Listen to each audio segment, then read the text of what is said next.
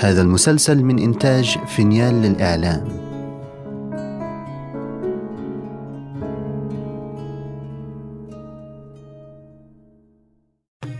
كان يا مكان في بعيد البلدان. ملك يسهر ولا ينام إلا على قصص الإنس والجان. وبلغني أيها الملك السعيد أن علي شار قد استخدم المال الذي أعطته زمرد كمهر لها وقد تزوجا في نفس اليوم ثم مضى بها إلى الدار فلما وصلت إلى الدار وجدته قاعا صفصافا لا فرش به ولا أواني فأعطته ألف دينار وقالت له امضي إلى السوق واشتري لنا بثلاثمائة دينار فرشا وأواني للبيت. ففعل كذلك ثم قالت له اشتري لنا مأكلا ومشروبا بثلاثة دنانير واشتري لنا خرقة حرير قدر الستر واشتري لنا قصبا أصفر وأبيض وحريرا ملونا سبعة ألوان. أه سمعا وطاعة. ففعل. ثم إنها فرشت البيت وأوقدت الشمع وجلست تأكل وتشرب هي وإياه وبعد ذلك قاما إلى الفراش. وباتا متعانقين خلف الستائر. وفي الصباح قد سكنت محبة كل واحد منهما في قلب صاحبه. ثم أخذت زمرد الستر وطرزته بالحرير الملون وزركشته بالقصب وجعلت فيه منطقة بصور طيور وصورت في دائرها صور الوحوش. ولم تترك وحشا في الدنيا إلا وصورت صورته فيه. ومكثت تشتغل فيه ثمانية أيام. فلما فرغ صقلته وطوته ثم أعطته لزوجها وقالت له اذهب به إلى السوق وبعه بخمسين دينارا للتاجر واحذر أن تبيعه لأحد عابر طريق. فإن ذلك يكون سببا لفراق بيني وبينك. إن لنا أعداء لا يغفلون عنا. ثم ذهب إلى السوق وباعه لتاجر كما أمرت. وبعد ذلك اشترى الخرقة والحرير والقصب على العادة. وما يحتاجان إليه من الطعام. وحضر لها ذلك وأعطاها بقية الدراهم. فصارت كل ثمانية أيام تعطيه سترا يبيعه بخمسين دينارا. ومكثت على ذلك سنة كاملة. وبعد سنة راح إلى السوق بالستر على العادة. وأعطاه للدلال فعرض له غريب فدفع له ستين دينارا. فامتنع. سبعون. فما زال يزيده حتى عمله بمئة دينار. لا لا لا مئة. فرجع الدلال على علي شار وأخبره بالثمن. وتحيل عليه في أن يبيع الستر للغريب بذلك المبلغ. وقال له سيدي لا تخف من هذا الغريب وما عليك منه بأس. وقامت التجار عليه فباعه للغريب وقلبه مرعوب. ثم قبض المال ومضى إلى البيت فوجد الغريب ماشيا خلفه. فقال له يا غريب ما لك ماشيا خلفي؟ آه يا سيدي إن لي حاجة في صدر الزقاق الله لا يحوجك. فما وصل علي شار إلى منزله إلا والغريب لاحقه. فقال يا هذا ما لك تتبعني أينما أسير؟ يا سيدي اسقني شربة ماء فإني عطشان وأجرك على الله. فقال علي شار في نفسه هذا رجل ذمي وقصدني في شربة ماء. والله لا أخيبه. ثم دخل البيت وأخذ كوز ماء فرأته زمرد. فقالت يا حبيبي هل بعت الستر؟ آه نعم. لتاجر أو لعابر سبيل؟ قد أحس قلبي بالفراق. آه ما بعته إلا لتاجر. أخبرني بحقيقة الأمر حتى أتدارك شأني. وما بالك أخذت كوز الماء؟ آه ليسقي الدلال. لا حول ولا قوة إلا بالله العلي العظيم. ثم أنشدت هذين البيتين. يا طالبا للفراق مهلا فلا يغرنك العناق. مهلا. فطبع الزمان غدر وآخر الصحبة الفراق. ثم خرج بالكوز فوجد الغريب داخلا في دهليز البيت.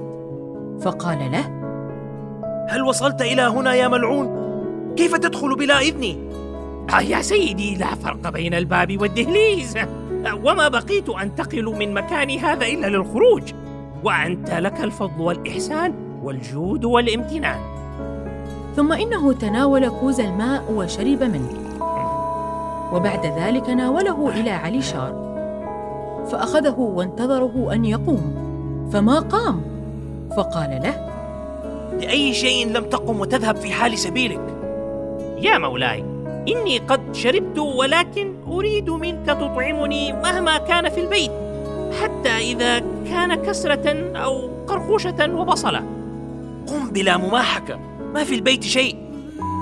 يا مولاي إن لم يكن في البيت شيء فخذ هذه المائة دينار وأتنا بشيء من السوق.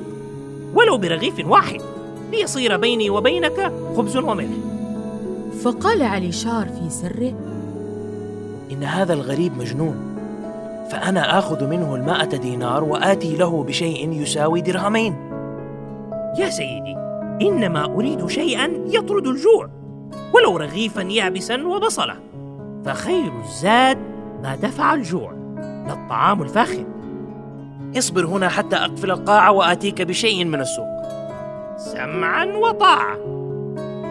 ثم خرج وقفل القاعة وحط على الباب كيلو وأخذ المفتاح معه وذهب إلى السوق واشترى جبنا مقليا وعسلا أبيضا وموزا وخبزا وأتى به إليه. فلما نظر الغريب إلى ذلك قال يا مولاي هذا شيء كثير يكفي عشرة رجال وأنا وحدي فلعلك تأكل معي. كل وحدك فإني شبعان.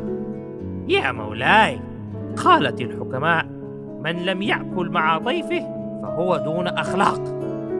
فلما سمع علي شار من الغريب هذا الكلام جلس وأكل معه شيئا قليلا وأراد أن يرفع يده. ولكن أخذ الغريب موزة وقشرها وشقها نصفين وجعل في نصفها بنجا مكررا ممزوجا بأفيون. الدرهم منه يرمي الفيل. ثم غمس نصف الموزة في العسل وقال يا مولاي وحق دينك أن تأخذ هذه فاستحى علي شار أن يحنث في يمينه فأخذها منه وابتلعها. فما استقرت في بطنه حتى سبقت رأسه رجليه وصار كأن له سنة وهو راقد فلما رأى الغريب ذلك قام على قدميه كأنه ذئب أمعط أو قضاء مسلط وأخذ منه مفتاح القاعة وتركه مربيا. وذهب يجري إلى أخيه وأخبره بالخبر. وسبب ذلك أن أخ الغريب هو الشيخ الهرم الذي أراد أن يتزوج زمرد فلم ترضى به وهجته بالشعر. وكان يتظاهر بأنه مسلم وسمى نفسه رشيد الدين. ولما هجته ولم ترضى به شكا إلى أخيه الذي تحيل في أخذها من زوجها علي شار وكان اسمه برسوم.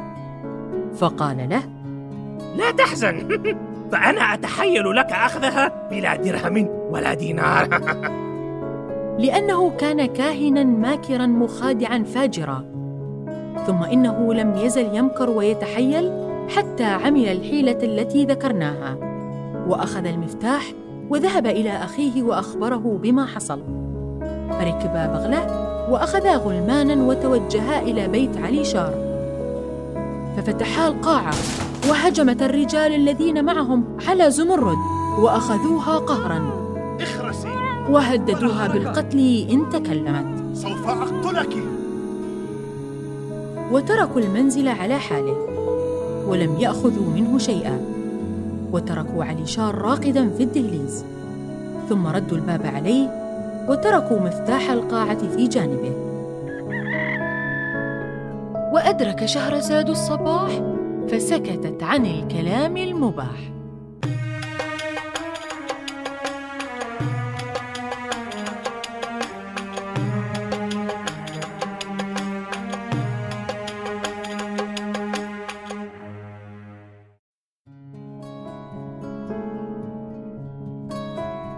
إذا استمتعتم بهذه الحلقة لا تنسوا الاشتراك لبث المسلسل ومتابعتنا على جميع منصات السوشيال ميديا.